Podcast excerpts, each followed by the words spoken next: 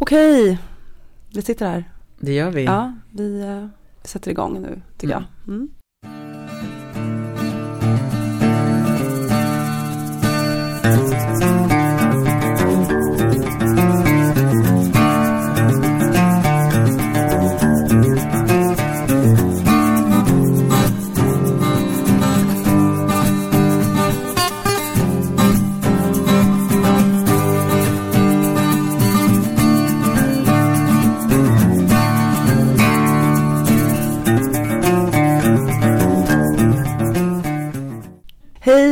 Välkomna till det nionde avsnittet av podden Präster med gäster. Är det nionde avsnittet? Mm. Nu är det. Wow, nu är vi snart uppe i tio. Snart är vi pros. Ja. Med mig Anna-Fia Trollbäck Och mig, Rebecka Tudor. och vi är präster i Tyresö församling som ligger utanför Stockholm. Eh, ja, i Präster med gäster så bjuder vi in en gäst. Och, eh, men den personen är sällan här utan gästen är någon eller något som vi är intresserade av och som blir ämnet för avsnittet helt enkelt.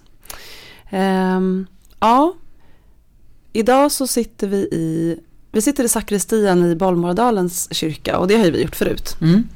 Eh, och sist när vi var här då kom jag ihåg att du beskrev det så fint. Mm. Eh, att det Men jag så, ljög. ja, nej det ljög inte för det var mysigt för Ja. att det var tända ljus och det var helt nersläckt.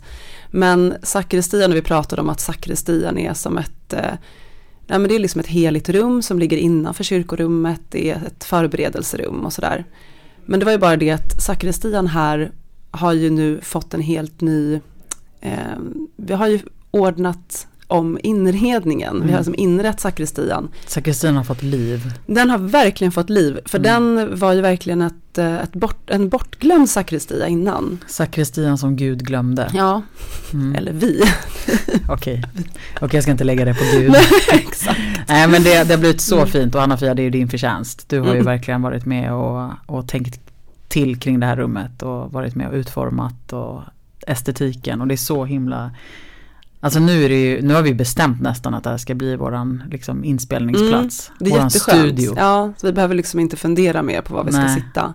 Eh, nej, men jag kom in här en dag, ja, det var typ något år sedan. Och så skulle jag städa här inne. Och plötsligt så var det som att jag såg allting som fanns här och jag undrade hur det hade hamnat här. Mm. Alltså, jag, jag tror, det måste ha varit så att när kyrkan byggdes så fanns det möbler som var gjorda hit. Mm. Men sen så kanske någon tyckte att det var liksom, man skulle byta ut något och, och sen då inte tänkt på vad man har bytt ut saker till. Vi behöver ett nytt skrivbord, Tog- ta vilket som helst, man behöver en hylla, man tar, vad var det, en gammal post, posthylla? Jag vet inte. Nej, ingenting passar ihop och ingen, ingen har tänkt. Mm. Ehm, Men du är ju också väldigt estetisk. Och liksom, för Mm. dig är ju det vackra viktigt. ja, jo men det är det. Jag tänker att vissa inte ens, alltså tänker inte så mycket på hur saker och ting ser ut. Nej, eller men- är, eller man liksom, Nej, du har ju sinne för det.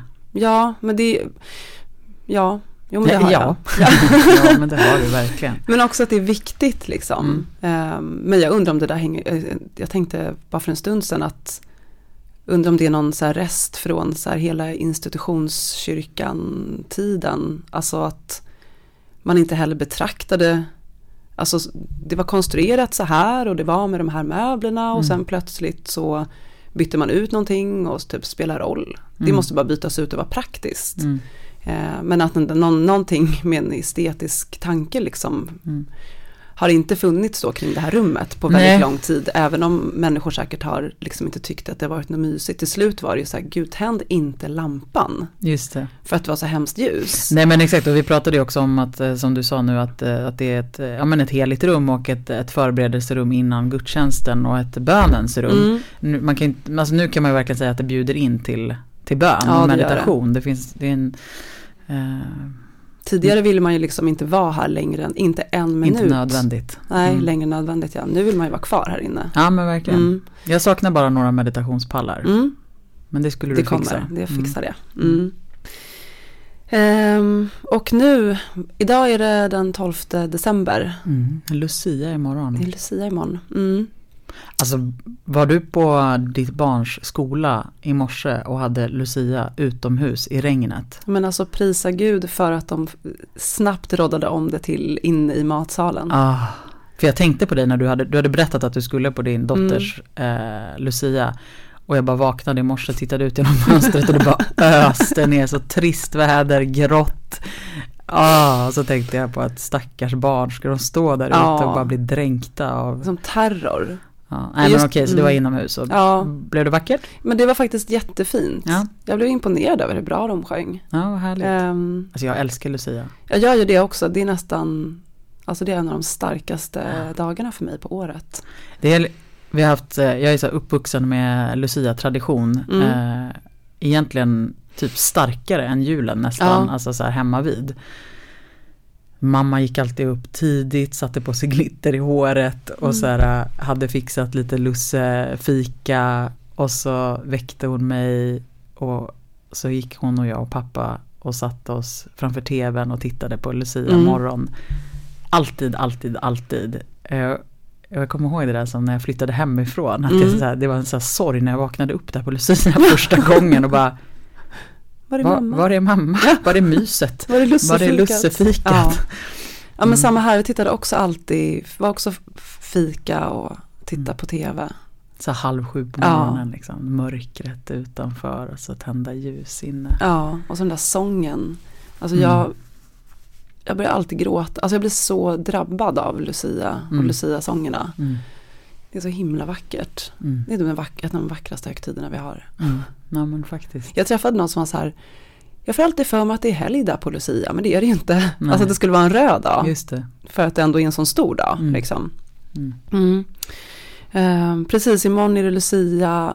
Det är massa Lucia-tåg i våra kyrkor, typ under hela den här veckan. Och hela mm. december är ju, det här är ju liksom den hektiska tiden på året. Mm. Eh, från första advent mm. ja, fram till nyår. Mm. Eh, eller trettonhelgen. Hela jul och nyårshelgerna. Um, och, Adventssamlingar, mm. klubbvisningar, julspel. Mm. Så mycket skolklasser som ja. vi möter. Precis, och så kommer julafton och då är det också julspel och klubbvisningar. Och, och julgemenskap. Det har vi ja, mm. precis. Och julbön och så midnattsmässa. Mm. Och sen då julotta på juldagen och så mm. gudstjänst på annandagen och sådär. Um, Älskar Tyresös tradition, det kanske är många församlingar som har det, men julot, julotta för morgontrötta. Ja, det är faktiskt underbart. Klockan tio. Mm. det är så himla schysst. Sympatiskt. Ja. Jag tänker att det kommer komma en tid, jag vet inte om du tänker så, jag tänker att det kommer komma en tid i livet när jag kommer vilja och kunna gå på julotta. Mm. Nu är det så här, den, det existerar inte alls för mig. Alltså första gången jag var på en julotta det var ju när jag var nyprästvigd mm. och var i tjänst helt ja. enkelt och hade, ledde julottan. Då hade jag aldrig varit på en julotta. Nej. Men då upplevde jag det som alltså magi. Det var helt fantastiskt. Älskar julottan. Ja. Men jag går ju inte upp frivilligt om jag inte själv leder Nej. julottan. Då föredrar jag midnattsmässan. Mm. Ja men samma här, jag har jobbat midnattsmässa men inte julotta än. Mm. Um, men, också men jag lägger ju schemat även nästa år Anna-Fia mm. så det kanske blir julotta, julottan för dig nästa år. Ja precis. ja någon gång blir det ju. Ja men det är också det med att man har små barn. Ja, um, nej men jag vet. Men det, um, Allt har sin tid. Ja så är det verkligen. Mm. Men är tiden mogen Anna-Fia? För vad? Jag börjar, nej jag börjar tänka på altartavlan.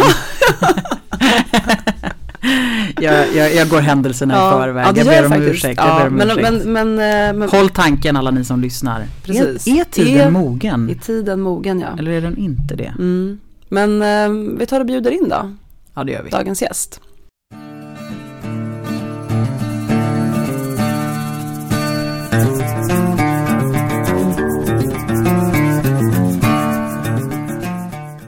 Och idag så säger vi välkommen hit Eva. Eva är judendomens och kristendomens urmoder. Hon och Adam är de första människorna. De skapas av Gud. Adam av lera från jorden och Eva från Adams revben. Och Eva och Adam ingår i skapelseberättelsen då i den hebreiska och i den kristna bibeln. Um, ska jag dra igenom skapelseberättelsen berättelsen. Eller? Det är väl en bra idé? Mm. Jag gör det. Okej, men då börjar det då så här att i begynnelsen så skapade Gud himmel och jord. Jorden låg öde och tom, står det. Och så sveper Gud fram som en vind över vattnet och säger ljus bli till. Och ljuset tänds. Och så efter det så skapar Gud eh, jorden, naturen, djuren och till sist då sin avbild, till sin avbild så skapar Gud människan. Han skapar människan av lera. Först Adam som betyder man eller mänsklighet och därefter Eva som betyder ge liv eller liv. Och både Eva och Adam, de, det är inga namn. Alltså Eva och Adam är inga namn utan det är just ord för människa eller man då. Eller att ge liv. Eh, och Eva då representerar ju då livgivaren eller livgiverska, den som ger liv och Adam människan.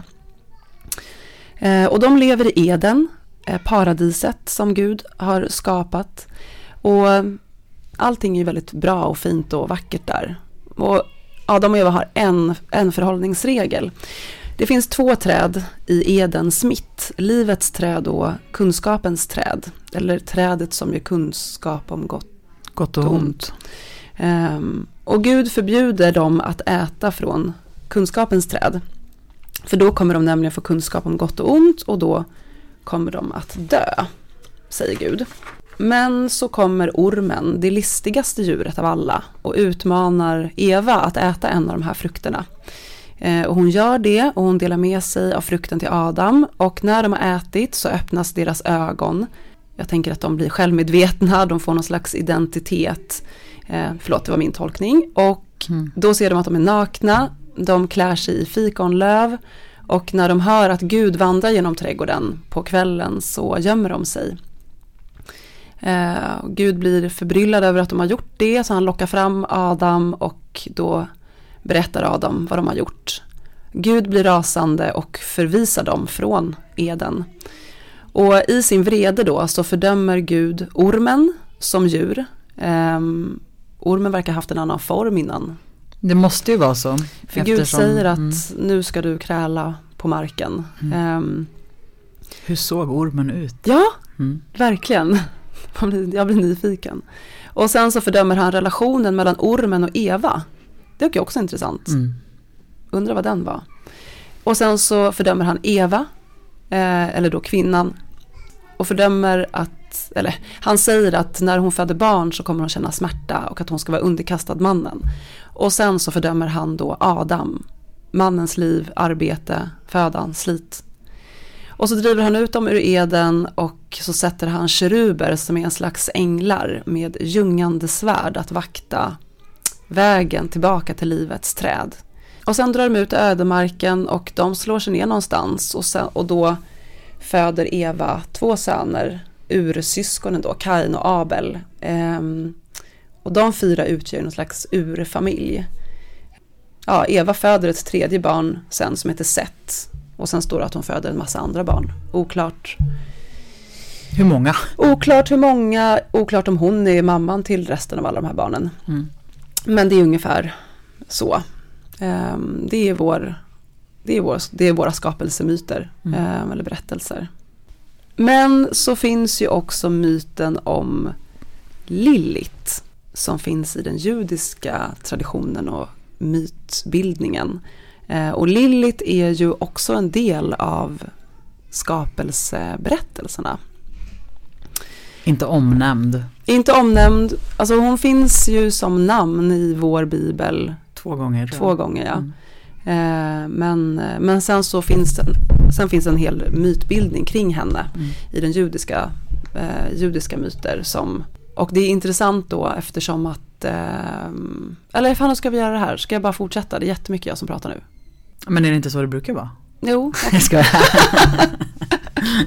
ja, men lyssnarna är vana vid det här. de vana Lyssna till det. din vackra stämma, Mm. dina kloka ord. Och jag sitter mer här som någon medlöpare. Och, Okej, jag fortsätter. Du får flika in nu när du vill. ja, ja, Ja. ja. Ehm, Lilith då är namnet på en nattdemon. Ehm, och hon har ju förmodligen, det finns ett gammalt så här, babyloniskt mesopotamiskt ursprung för Lilith. På något ställe har jag läst att, att hon också var besläktad med Ishtar, en mesopotamisk gudinna. Eh, men det sägs då att Lilith var den allra första kvinnan som Gud skapade också av jord.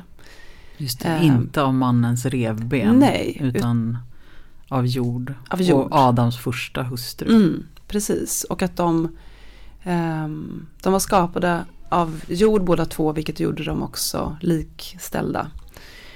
Nu ska vi se, jo, och eftersom att hon var liksom skapad av jord och inte underställd Adam så, så blev hon stolt, står det någonstans, och hon vägrade då ligga underst när de skulle ha sex. Mm. Um, och de då bråkade om det, uh, för att Adam ville inte heller ligga underst.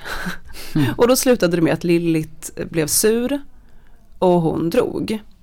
Um, alltså, det är en så liksom extremt sådär, ja, bilden liksom. Ja. Då blev Lilith sur, ja. hon vill inte ligga underst. Och inte Adam heller. De är osams om ja. det. De ja men det är verkligen förstås en bild av att, att Lilith vägrade underkasta sig Adam. Mm, eller hur? Exakt. Ja. Um, och Gud sänder ut tre änglar som ska locka henne tillbaka. Men um, hon vägrar. Um, och det står också så här någonstans att den platsen där hon är vid Röda havet Alltså det är också en så här väldigt mytomspunnen plats. Alltså Jona är kopplad, alltså berättelsen om Jona i Gamla Testamentet mm. är kopplad till den platsen och någonting annat, ja, jag minns inte. Men att det är, hon, hon slår sig ner på en liksom traditionellt väldigt mytomspunnen plats i, vid Röda havet. Och, eh, men där då så har hon sex med fallna, alltså hon får barn med fallna änglar.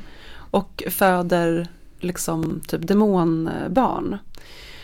Och då så säger de änglarna som Gud har sänt ut säger till henne så här att om du inte återvänder då kommer till Adam, då kommer Gud straffa dig genom att ta ifrån dig alla dina barn. Eh, men hon, åt, hon vägrade göra det. Och det är någonting också med att hon också kommer att Alltså hon, de, eftersom att hon blir av med barnen så blir hon arg på andra som har barn. Så att hon kommer liksom att alltså döda andras barn. Eller att hon liksom har makt över andras barn. Mm. Därför att hon själv blir av med sina egna. Eh, så länge de här barnen inte är vaktade av en amulett med eh, de här änglarnas namn på. Då så skulle de vara liksom friade, eller fredade rättare sagt. Och det gör henne då att hon, hon blir en demon eh, som dödar eller fångar, tar små barn. Och eh, Gud skapar då Eva av Adams kropp då som ersättning Jo, men jag läste också på något ställe att Gud gjorde först, han gjorde först en som var skapad ur jord. Men då tittade Adam på och tyckte att det såg så fruktansvärt ut och att hon blev så, hon såg så illa ut. Mm. Så han bara, jag vill inte ha, du får göra en ny. Och Gud bara, okej okay, det var lite jobbigt för dig att vara med om hela den här att se på när jag skapade mm. en människa ur jorden. Så då förskänker han Adam i sömn eh, och så skapar han Eva då av Adams eh, reben. Ja, och det sägs också så att Lilith var odödlig eftersom att hon inte åt av det här trädet. Eh, alltså kunskapens träd. Men mm. hela den här äh, demoniseringen av Lilith. Mm. Eh, och liksom att det finns liksom någon i liksom historieskrivningen eller myterna om, om Lilith. Att hon skulle vara liksom en barna vad heter det, barnamörderska mm. eh, och sådär. inte det ytterligare ett sätt att liksom göra henne, alltså göra henne till eh, något ont istället för se henne som någon typ av ur, eh, vad ska man säga, urmoder som är så här självständig och som vägrar underkasta sig och som är Jo men samtidigt så um Alltså för att myten om Lilith, alltså det finns ju gamla källor som är så här från att hon finns namnet, att hon mm. finns någonstans redan så här 300-500 före Kristus. Mm. Men sen är det inte förrän på medeltiden, det är på, under som medeltiden, den här... som den här myten skrivs. Just det. Och då är det den här myten Då är det som den här skrivs. myten. Ja, och den, Men är det så att har, har många efter, jag tänker eh, i feministiska liksom, eh, historieskrivningar eller där man har plockat upp Lilith. mm. Har man valt en an, alltså har man valt att plocka bort den här, eh, Jag tänker att man faktiskt inte vet om. nej okej. Alltså, Men vad är det Förlåt. man, vad vet man om Lilith då? Eller vad är det man har plockat upp eller, eller är jag ute och cyklar nu? Jag bara tänker att jag, alltså när man läser, när man hör om Lilith, jag tänker att många, ma- man i många feministiska kretsar har liksom anammat Lilith. mm. Alltså man har liksom tagit tillbaka och Mm. liksom, eh, men, men menar du då att så här, kunskapen är för liten om, om den, den myt som finns ja men det om tror jag Lilith? faktiskt. För att Ja. jag blev förvånad själv. Mm. Jag tänkte att jag skulle hitta något så här, åh Lilith-myten, den är så här 3000 år gammal och den har liksom bla bla bla bla bla. Mm. Men så är det ju inte. Mm. Utan, utan de källorna, de äldsta källorna som finns, de, redan de är ju väldigt, det är inte särskilt mycket som finns. Men i den här skriften då som heter Ben Siras alfabet som skrivs under medeltiden, typ så här 700-tal tror jag. Då, ehm, en liksom, då, då är det liksom, man plockar upp saker där Mm. för det, Ben Sira var ju en person som man, alltså man hänvisar till, alltså Syrax, det finns i vår bibel också. Syrax speciellt. Ja, exakt. Mm. Han skrev visshetslitteratur. Mm. Så att Ben Siras alfabet som skrevs under medeltiden är en hänvisning till vad han, alltså till den författaren eller vad man ska säga. Okej. Och det är ju ett eh, ganska stort här, satiriskt verk. Mm. Ehm, där eh, Lilith, ehm, och där det finns liksom olika tolkningar av hur man ska tolka den här Lilith-myten där. Mm. Eh, men eh, olika så här, förklaringsmodeller. Vi, jag som hittade ett, ehm, ja men en artikel eller en, inte uppsatt, nej men en artikel av en polsk forskare Mm. som skriver om det här. Ehm, och som är jätteintressant för där dels så går han ner så här, källorna eh, Eh, och kring olika ord och liksom försöka hem, se så här, ja, men här ursprunget finns här, de finns på några få ställen och sen så är det kring den här medeltida skriften och där, gud vad skulle jag säga, nej men att hon, hon är någon också som man skapar, alltså dels så får hon faktiskt Adam att framstå som en, om man tänker att det är ett satiriskt verk. Nej men att hon får Adam att framstå som löjeväckande. Att hon säger att hon är liksom, jag är lika, vi är jämställda, vi är jämlikar, Mm. du kan inte tvinga mig att ligga underst, Mm. typ din tönt. Mm. Och så drar hon. Mm. Jag tänker att det var någonting som man kunde garva åt. alltså det var, det var som en satirisk Mm. Mm. bild över Adam, över man, urmannen liksom. Ehm, men sen också en förklaring till dödfödda barn. Ehm, och att man behövde liksom skyddsamuletter. Ehm, men sen också faktiskt liksom en syster och en spegelbild av Eva. Mm. För så det finns också en mycket vidare mytbildning kring Eva. Och att Eva var inte heller, ehm, alltså i, nu pratar jag om mytberättelser som finns utanför För Bibeln. utanför Bibeln. Mm. Och eh, där står att hon också hade, alltså vad det just gäller den här, så här sexuella liksom, krafterna så hade Eva också det. Mm. Ehm, men då blev Lilith blev då ett sätt att upphöja Eva. Mm. Och liksom känslan för Eva. Att jo, men hon var i alla fall bättre än Lilith.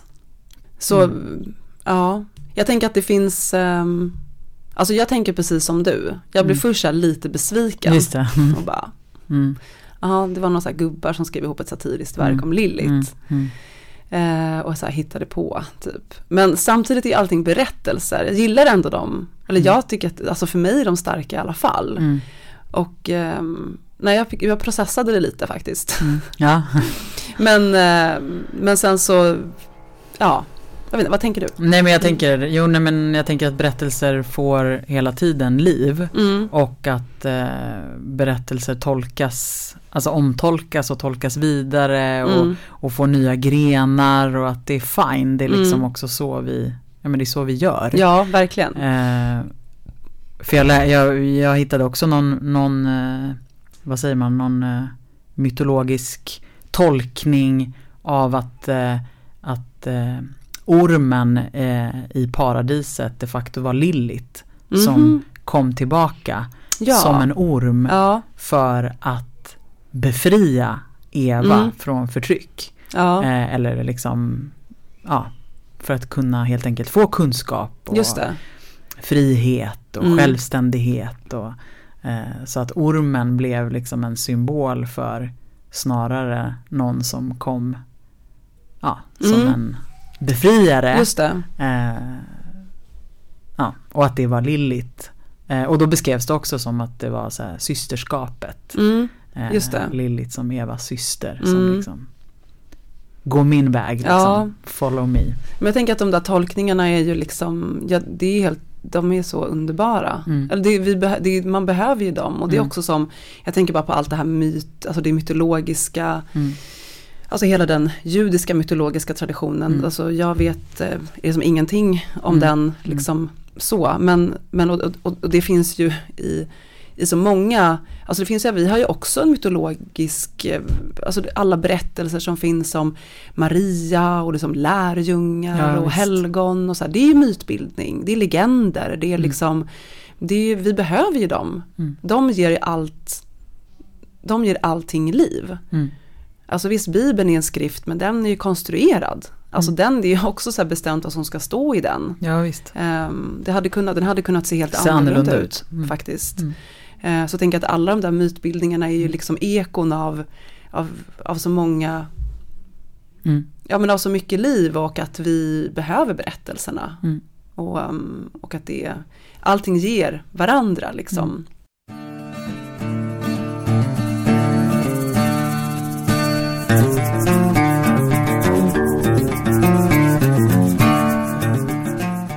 Det är liksom häftigt också eftersom att hur, var när började de tänka så här, men det måste funnits någon, funnits någon innan Eva. Mm. Så finns det ju ändå ett ställe i skapelseberättelsen där det ju väldigt tydligt står.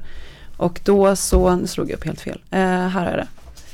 Och det är då när Gud har skadat, skapat Adam och Gud, när Gud har skapat både Adam och Eva, då säger Adam så här, den här gången är det ben av mina ben, kött av mitt kött. Just det, den här gången, då måste det ha funnits Mm. en gång innan. De bara, Men det har jag aldrig tänkt på när jag har läst skapelseberättelsen. Nej, alltså jag har jag aldrig heller. reflekterat över att det är formulerat på det sättet. nej, Man blir också nyfiken då på grundtexten eller om det är ja, eh, och med, jag som har läst hebreiska. Precis, jag har inte det, gjort men- det. Ja men precis. Ja, och att det är mycket så här, för när jag läste i den här eh, polska artikeln, alltså jag Mm. läser den på engelska. Vadå, du har alltså inte läst den på Jag har polska? alltså inte läst den på polska. Nej, nej, nej. Ehm, om det var nu någon som uppfattade att jag hade läst den här polska artikeln, så var den på engelska. Eller, och, eh, och han skriver en del om det här med liksom att roten av det ena och det andra det. ordet är det här. Och Mm. att, alltså just, jag, eftersom att ingen av oss har läst hebreiska. Hej, jag har läst hebreiska. Ja men du har det! Ja. Ja, men gud, Men, jag trodde eh, inte det. Men alltså jag vill inte framstå som en expert Nej. på det här området. så att, eh, nej, men jag är nog ganska ödmjuk Ja. i mina hebreiska kunskaper. Så, Du kan väl berätta lite om det här med Låt- roten? men vet du vad Anna-Fia? Låt oss eh, återgå till den eh, artikel som du läste som inte var på polska utan på engelska. Kan vi väl bara släppa, Ja, vi släpper. släppa mina hebreiska Ja, kunskaper för ett ögonblick. Precis, vi behöver inte fokusera på dem Nej, nu. det tycker jag Nej. verkligen inte. Jag tycker att det är onödigt att vi tar så mycket tid i Ja, podden för att jag ska liksom ta den platsen. Mm. Ja, nej. Det vill jag inte göra. Nej. Nej. Så ödmjuk, så Mm, ödmjuk. Mm. mm. Ehm, nej, En annan han- gång kanske? En annan gång, ja men en annan Kanske gång. ett helt poddavsnitt Ja, om hebreiska. ja. om hebreiska. Ja, vi bjuder in hebreiskan som gäst. Ja. Nej, men att just det här kring språket också. Mm. Att det här med så här tolkningar och att, att det liksom skrevs inte liksom ord för ord så som vi Mm. tänker oss, så som vi skriver texter idag. Utan, och där finns en mycket större tolkningsvariation. Mm. Som ju är superspännande Mm. tycker jag. Um, nej, för jag satt ju och läste den lite så innan, eller uh, skapelseberättelsen inför nu att vi skulle prata om Eva. Ja. Jag slogs av flera saker. Ja. Jag var så här, när nämns de vid namn? Alltså. Man tror, eller ja, så här, ja, det, sen står det ju bara Adam och Eva. Ja. När Eva nämns tar det lång tid innan, Innan det står det ens. står, Mm. Ehm, Men visst är det fascinerande när man så här, med framförallt sådana här välkända bibelberättelser som man på något sätt tänker att man kan i Mm. rygg, liksom, Ja. vad säger man. Mm, ryggmärgen. Mm. Eh, så att man nästan inte lä- man läser dem liksom inte igen för när man återger dem eller när man ska berätta till exempel i konfirmandsammanhang eller sådär så kanske man inte går tillbaka till texten utan man liksom Nej, man berättar den för att man kan den. exakt. Och sen när man väl läser igen. Mm. Ja men så kan det bli så här precis. Man, plötsligt upptäcker man något nytt. Och ja, jag tycker att det är fascinerande. Ja. Men jag slogs faktiskt också av det här med vad deras namn betyder. Eller vad... Människa och livgivare. Ja. Mm. Um, och att så här, Eva då. Har du flummat ut nu? Ja men nu flummar jag ut lite. Mm, men det är din roll. ja det är min roll, flumma mm. ut lite. Men att Eva då som ger liv. Mm. Och Gud ger ju också liv. Mm. Medan Adam är människa. Mm. Eller man då. Mm. Mänsklighet. Helt platt, fyrkantigt. Ja, det är på jorden. Ja. Verkligen. Mm. Medan Eva är liksom. Men hon är ju den som ger liv. Alltså ja. måste hon ju vara Säg det. Närmre Säg Gud det. typ. Närmre Gud. Ja. Nej men jag, jag fattar verkligen. Alltså, jag menar, och eftersom det är som du säger, det är inte två namn. Nej. Utan det är ju det det, det betyder. Ord, ja. Det är två ord. Det betyder mm. ger liv och människa. Ja. Men alltså det, det, är klart att, så att de hänger ihop. Alltså berättelsen är ju, det handlar ju ofta om så krafter som mm. liksom kompletterar varandra mm. um, på något sätt. Um, och det gör de ju. Men det, jag pratar liksom mot, mot en så här patriarkal historia mm. där man har liksom eh, förtryckts mm. och framförallt i skapelseberättelsen mm. eftersom att den tolkningen som har blivit alenarådande är väl August, kyrkofadern Augustinus ordning som dessutom kallar det för syndafallet då när mm, Eva, Eva tar frukten mm. av ormen. Mm. Och att det var den första synden. Um, då, typ när de får syn på sig själva. Eh, Allt är kvinnans fel. Ja, mm. exakt. Kvinnan mm. som horan mm. och så har, sen har man hela den här och sen, ja, precis. Och sen i, precis, och i kristendomens liksom så historia så blir ju, ja men så blir också Eva mm. Marias motsats. Ja men precis. Um, ja men horan och madonnan. Ja, mm. exakt. Och det är så himla tröttsamt och då kände jag en sån eh, jag blev helt liksom drabbad av att så här, mm. men det betyder ju att ge liv. Alltså mm. hur kan man ens, hur kan mm. ens Augustinus ha orkat hålla på? Nej. Alltså faktiskt, mm. jag blev helt trött. Nej men visst. Alla de här liksom åren av mm. årtusenden av liksom konstant förtryck. Som bara, oh, ja. Ja men och kvinnan och så står fortsätter ju att ge liv. Ja, ja hon gör ju det. Mm. På alla möjliga sätt. Ja, och sen så återvänder det. Jag tänker så här ytterligare då. Om man sen går in i så här, bara snabbt. Från Eva liksom som ger liv till vår julberättelse. Och julavangeliet. Där Maria ger, ger ju liv hon, liksom till Gud. Hon mm. ger ju Gud liv som människa. Mm. Alltså det finns ju liksom en, jag tänker att det finns en, ett symboliskt band där mm. mellan dem hon ger ju liv igen. Liksom. Mm. Jag tycker det är supermäktigt. Mm. Och bara kan vi liksom prata om det. Mm. kan vi liksom um, sluta hålla på med de här gamla mm. väldigt statiska bilderna av, av berättelserna också. Det är fantastiskt när de får sånt här liv. Mm. Ja, nej, men mm. jag kan inte annat än att bara liksom amen.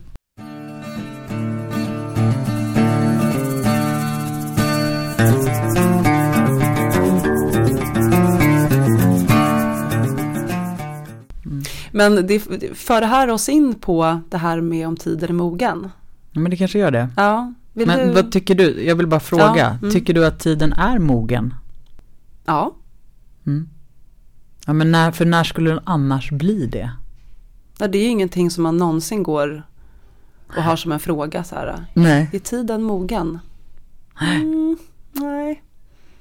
Den blir ju alltid det. Ja men den blir, ja men exakt, ja. det är ju bara att ta ställning. Det är mm. bara att säga ja, mm. tiden är mogen, punkt. Nu är det det, nu kör nu vi. Kör vi. Mm. Ja det vi håller på att referera till nu är ju eh, den eh, altartavla som Elisabeth Olsson Wallin har gjort och som hon gjorde för många år sedan. Egentligen i ett tv-program tror jag, Konstkuppen. Eh, hon gjorde den då till och, och skulle ville donera eller skänka eller aktionera ut eller något till Skara domkyrka. Jag vet inte hur många år sedan det här är. Men eh, Skara domkyrka tackade nej. Mm. Eh, och altartavlan föreställer ju helt enkelt Edens lustgård, Mm. eh, paradiset. Eh, Och det är en parafras eller det är en, det. av en medeltida målning som heter då Paradiset av en konstnär som heter Lukas Karnach. Eller Ja, Karnak, jag vet inte hur man Karnak, ja. uttalar. Mm. eh, just det, precis. Men och i hennes tolkning så är det två Evor Mm. och två Adam. Mm. Och ormen i trädet eh, är en transperson. Mm. Den är jättehäftig. Den är skithäftig. Och nu, nu har den varit på tapeten igen. För Mm. den, var, den, den var, förekom lite i media där när Skara domkyrka tackade nej, Mm. eh, minns jag. Och så nu på första advent så, invigdes den i Malmö, i Sankt Petri kyrka tror jag. Mm. Eh, då en präst där hade liksom med glädje eh, velat ta emot den till kyrkan. Och det Mm. var någon privatperson tror jag som hade köpt den och som Mm. ville ge den till kyrkan. Så på första advent alltså i år 2019 så invigdes den. Och helt fantastiskt. Men alltså den glädjen var ju ganska kortvarig. Ja, den blev väldigt kort, mellan första och tredje advent. Ah, för nu har alltså kyrkoherden i Malmö pastorat beslutat att den ska inte hänga i kyrkan. Nej, Därför att tiden är inte mogen. tiden är inte mogen för det. Den väcker för mycket känslor. Eller den väcker, nej det är för, Frågor, må, för va? många frågor som är obesvarade. Ja. Och sen så, sen så hjälper han ju till att ge alla människor som tänkte gå och titta på den. Mm, Han ger ju dem en tolkning genom att tolka bilden. mm. På ett Alltså det här, förlåt, sätt. men alltså det här är så sjukt. Det här är så knäppt och Mm. sjukt det som han gör. För det är så, allting blir så bakvänt. Eh, men, men säg du, Nej men jag tänker, ja men eh, vad, vad han liksom... hans, Mm. han säger ju bland annat att eh, den här, det skulle, de flä, alla kommer tolka det som att ormen i paradiset som är en transperson eh, är ondskan. Och då kommer människor tolka det som att transpersoner är onda. Eller är ondskan. Är ondskan ja, eftersom att ormen, Ja. Eftersom Är ormen ondskan. är ondskan. vad säger du ja? Exakt. Eh, och, och det står ju verkligen inte kyrkan för, Nej, säger just han det. Att så här, det, det, det, det skulle vara fruktansvärt om människor trodde att kyrkan liksom ja, Mm. hade den synen på transpersoner. Då ska vi liksom återigen då påminna oss om att Elisabeth Olsson Wallin är ju alltså en hbtq-aktivist Mm, och har varit det jämt. jämt ja. Alla Mm. hennes utställningar och fotografier är helt makalösa och helt fantastiska Mm. och aktivistiska och hon är själv hbtq-person. Mm.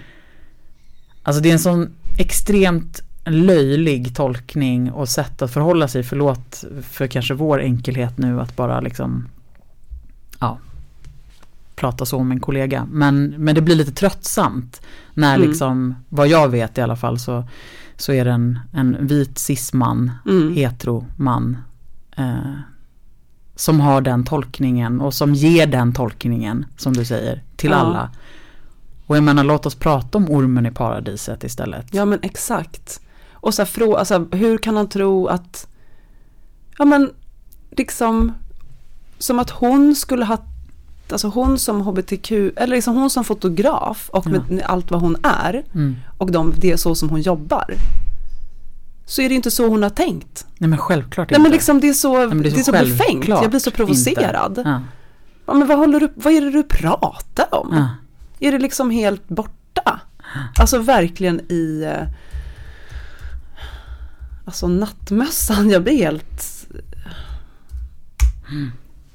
Jag blir skitförbannad när jag läser det där. Plus att det är en sån otroligt grundtolkning av skapelseberättelsen. Mm. Snacka om att stänga alla dörrar till att göra det intressant. Mm. Liksom. Mm. Jag har läst, jag har också, bara det vi har pratat om nu, Mm. Liksom, ger, färgar jag av så tänker jag på den bilden till exempel. Eh, jag vet, det var, jag, jag läste också någonstans att när man har tittat utifrån typ ett så här hbtq-perspektiv just på skapelseberättelsen och de två skapelseberättelserna Mm. och att ordet för liksom man och kvinna också är så här manligt kvinnligt, Mm. alltså att det inte heller ens representerar Könen. Nej, Nej. exakt. Mm. Ehm, jag menar jag, jag, jag tappar så orden, jag blir så Mm. provocerad av att han gör så. Mm.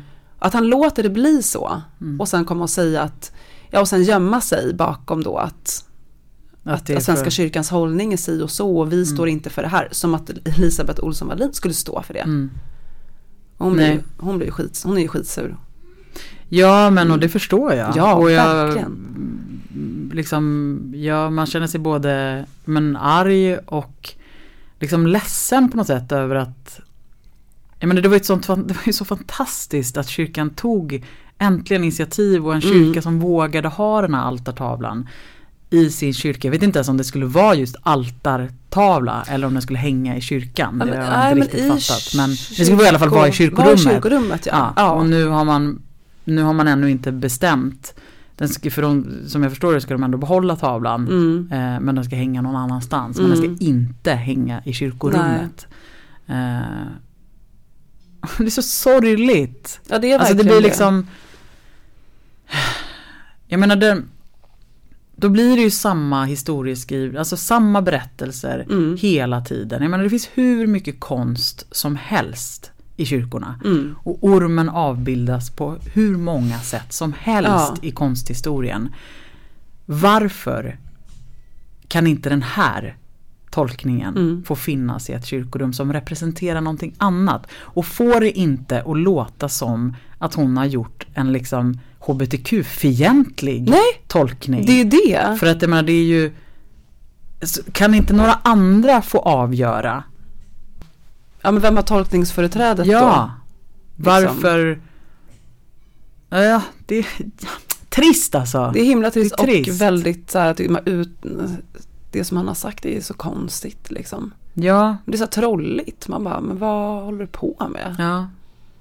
Det, Ja för det blir, det blir lite som att jag faktiskt om jag liksom, jag känner lite så här men jag är inte helt säker på att jag tror på dig. När Nej. du säger så. eller hur? Att så här, vi får inte riskera att transpersoner far illa liksom nu. far liksom. illa nu. Jag, är inte helt hundra på att det är den verkliga sanningen. Varför Nej. du inte vill ha den Nej. tavlan i kyrkorummet. Det känns som att det är en hittepå formulering för att verka som Nej, jag vet inte. Ja, Nej, men jag håller med, det är lite som att gömma sig bakom det fast han bara egentligen inte alls vill ha den där för att Mm. han oavsett vad han tycker om den.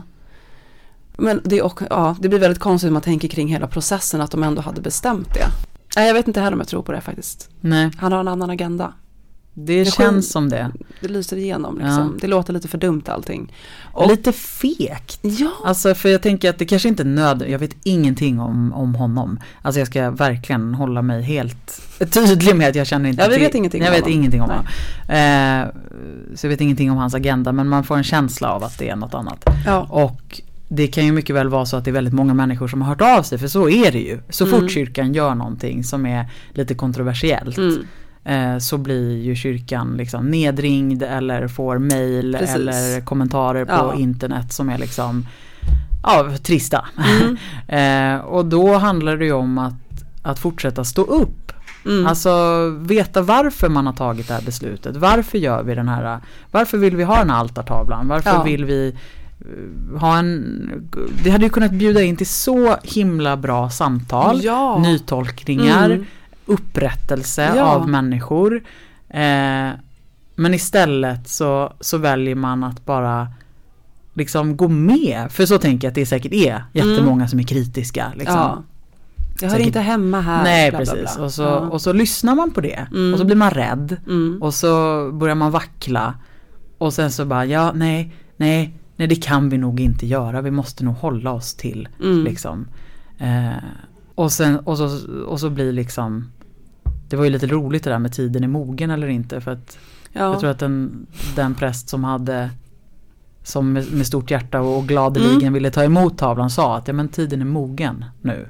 Och sen så bara tid, den är, den är inte mogen tyckte den andra. Det är ju också så uppenbart då att så, vad är tid Mm. och vad är att vara mogen. Ja. Alltså uppenbarligen beroende på vem som svarar på den ja, frågan. Verkligen. Men jag tänker också att man låter ju, alltså snacka om att inte ta tillvara på också möjligheter så här, äh, bara wow, nu kan vi verkligen få till så här, snacka skapelseberättelser, alltså Ja. tolkning överhuvudtaget. Ja. Liksom Och en det- sån möjlighet. Ja, och det behöver ju inte betyda att alla människor ska, ska liksom eh, Alltså det kan ju få vara så att man har olika idéer om det och tycka olika Ja, om vad liksom Men Men så är det ju redan nu. Ja, men alltså, så, mm. så, jag menar det är det som är Varför ska bara en liksom en rådande tolkning få fortsätta? ja, Varför ska precis. Augustinus liksom syndafallstolkning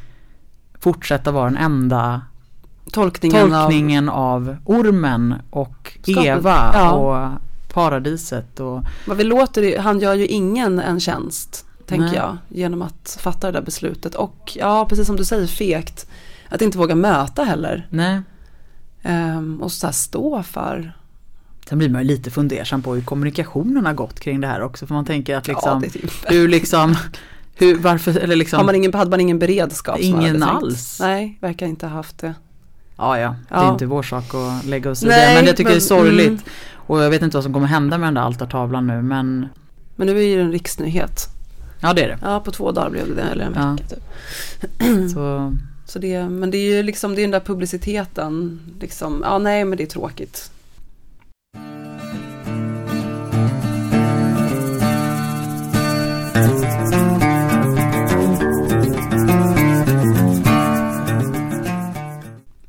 Vi pratar ju om Eva, mm. eftersom att Eva, hon har ju namnsdag på, Julafton. på julafton ja. Eh, för att vi sa ju lite att vi eh, ja, men pratar lite om julen Mm. också. Nu ska vi inte så gå igenom hela julevangeliet och så, det ska vi inte göra. Men eh, bara så här jul över, överlag, Mm. att det är liksom den tiden och så.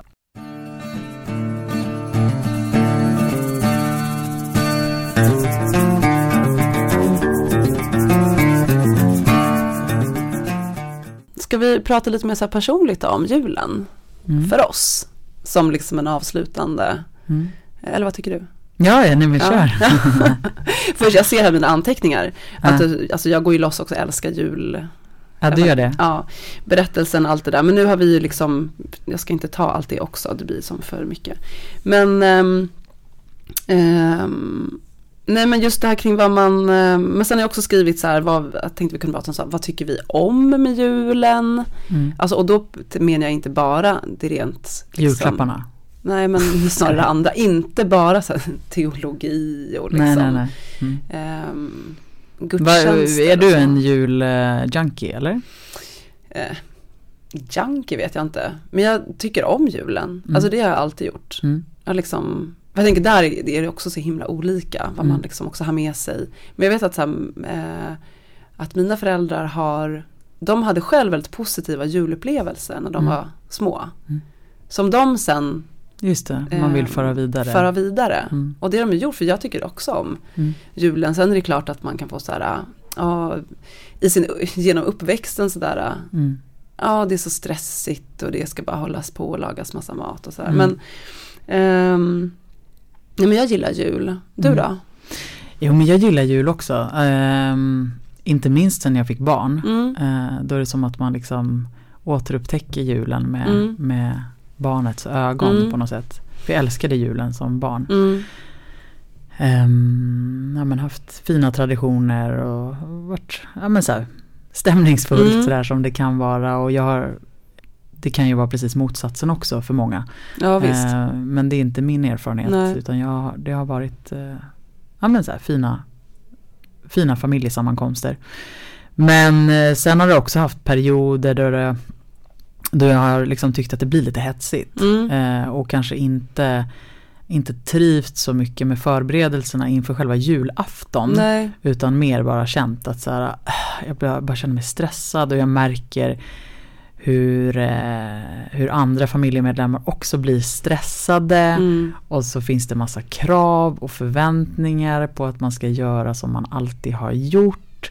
Vad det nu är. Vad det nu är. Och så, ja, men så blir jag lite matt Mm. på att så här, ah, kan vi inte bara, ja, sådär. Eh, Mm. Så jag har haft lite sådana liksom, perioder också där jag har bara velat säga nej men jag, jag vill göra något helt annat. Jag vill Mm. typ eh, min dröm hade varit att bara fira kompisjul typ. Mm. Så, ja, så där har jag också haft. men, eh, Men det blir väl det där med att man inte så här, alltså varför, varför gör vi det här? Ja. Jag har också precis också sådana erfarenheter eller sådana Ja. jular när jag typ, ja men verkligen har typ känt mig helt knäckt. ja, För att så här, varför gör vi det här? mm, För att ingenting är särskilt kul, nej. typ. Och sen så, ja, Nej men alltså det där återkommande liksom med, med alla presenter och Ja. pakethögarna som ligger under julgranen som liksom till slut bara blir helt så här paketen bara slits upp och nej jag vet inte, Nej, alltså jag, ja, liksom tappar hela liksom. Men, men det känns också som att men gud har vi liksom det här bara pratar ju folk om hela tiden. Mm. Alltså det är ingen, Ja, men är news. ju. Eh, Men, men, men, eh, men där har ju verkligen så här kyrkan, alltså för mig, jag vet att det var en jul när jag, jag hade börjat plugga då liksom till präst, men där jag så tydligt kände så här, får inte jag gå till kyrkan då, då, kan, då får allting vara. Mm, Därför att jag kommer inte klara av resten Nej. av dagen om jag liksom inte får det här. Och då Mm. föll liksom allting på plats. Mm. Så här, Mm. Då fick jag liksom det med mig resten av dagen, Mm. genom hela dagen. Mm. Liksom. Klokt då att börja dagen så. Jag har ju alltid avslutat dagen så sen, eh, ja, sen Ja. långt tillbaka. Alltså, Ja, midnattsmässa. även som barn. Ja, Att åka på midnattsmässan ja. Och det har ju, eh, jag älskar jag den avslutningen på Ja. julaftonskvällen liksom. Men på ett sätt är det också klokt att liksom börja dagen. ja men den här som Eh, julkrubbe eller Ja julspelsgudstjänsten. Ja, jag har gjort det ibland men Ja. inte, inte varje år.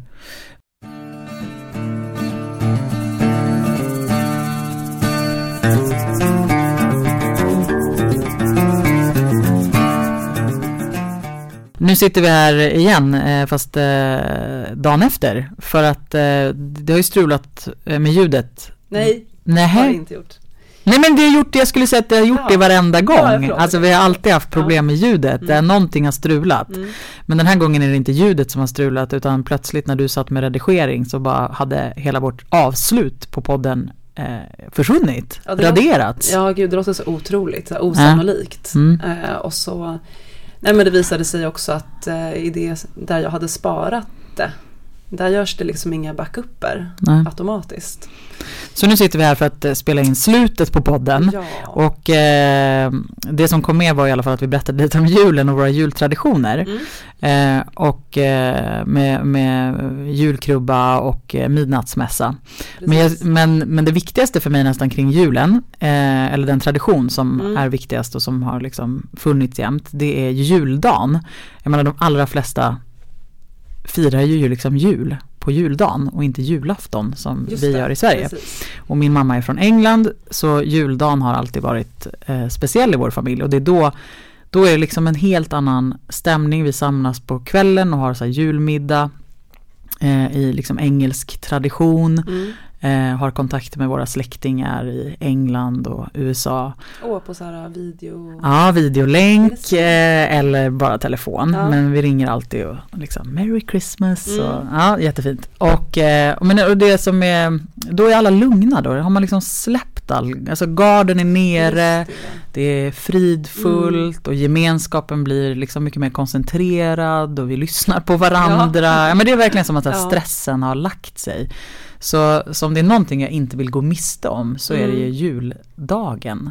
Eh, då är det inte heller några paket eller någonting utan Nej. då är det liksom fokus på gemenskap, det är fokus på samtalet och god mat och gott vin. Mm. Eh, ja, så, så det är fortfarande viktigt för mig, eh, juldagstraditionen. Gud, det låter verkligen jättefint. Ja, för, för Ja. de flesta så, eller för många tänker jag, eller ja, för vissa då. Mm. Det är så lätt att säga för många och sådär, Ja. så är det inte det. Men eh, så kan en juldagen, om julafton har varit liksom stressig, så är ändå juldagen, den är i sig mer Mm. avslappnad Mm. kanske. Mm. Eh, men väldigt fint att så här, fira det. Och då, Mm. jag tänker också att det är ju verkligen så här, barnets Mm. dag. Mm. Liksom. Så det blir väldigt fint. Nej men det är det. Och, då, och så är det alltid någon som läser julevangeliet. Åh, fint. Ja. Ja. Ja men det är en, det är en bra tradition. Mm. Mm. Ja, vi har ju sådär äh, på P4, Mm. natten till julafton, alltså mellan den 23 och 24. Mm. Då, så på tolvslaget, Mm. så, jag vet inte hur länge de har gjort det, men länge i alla fall, eh, sänt eh, Jussi Björlings och Helga Natt Mm. precis efter tolvslaget. Mhm. Och under många år så var det han som påannonserade programmet. Mm. Han var på Gotland Mm. eh, och så gick han längs en strand Mm. ehm, och så gick han och pratade, inledningspratade lite då liksom, Mm. för då hade man kommit över tolvslaget och det är julafton. Och precis innan musiken ehm, spelas så Ja. sätter han ner mikrofonen ner till vattnet Mm. och så spelas vågskvalpet in. Och sen då tonar liksom vågorna ut medans Jussi Björling. eh, medans klockorna då i den Ah, och Helga natt liksom vad hon verkligen vackert. ringer in eh, julaftonen. Mm. Och, eh, så det blev som en tradition också när vi träffades att vi lyssnade på den tillsammans Mm. med henne. Vi firade vi har firat många jular tillsammans med min mamma och hennes syskon och vi många kusiner. Och då Mm. var det alltid så att de som var vakna Mm. då satt uppe tillsammans och lyssnade på den liksom Mm. andäktigt. Och för mormor var det där verkligen en helig stund. Mm. Hon grät, alltså hon fällde liksom alltid en tår. Mm. Ja, vad fint. Och det var så fint och det har vi liksom fortsatt att göra. Och sen också att man har blivit så pass, ja men flytta hemifrån så har det ändå varit så här, man skickar, vi skickar sms till varandra i närmsta familjen liksom. Där vi glömmer väl inte bort att lyssna på Jussi, alla bara nej. eh, och sen skickar man typ så här god jul eh, efteråt. Ja. Vad fint. Jättefint. Och ett sätt, så jag tänker ju alltid på henne och Mm. på att hon grät. Och så är Mm. det som att den där, jag vet inte, för den sången drabbar mig. Mm. Jag kan, nästan, jag kan inte lyssna på den nästan någon annan gång än just då. Mm. Och, och du vill ha Jussi Björling? Ja, det Mm. finns ingen annan Som som, kan kan, mäta sig med den inspelningen. Den är så himla mäktig. Ja. Men Mm. eh, som den här viktiga traditionen, alltså tänk om P4 slutar med den Anna-Fia? Ja. ja, då får man ju köra den själv. Mm. Men det är någonting också med att man ska så tro, jag tror alltid att, jag, att det är på P2.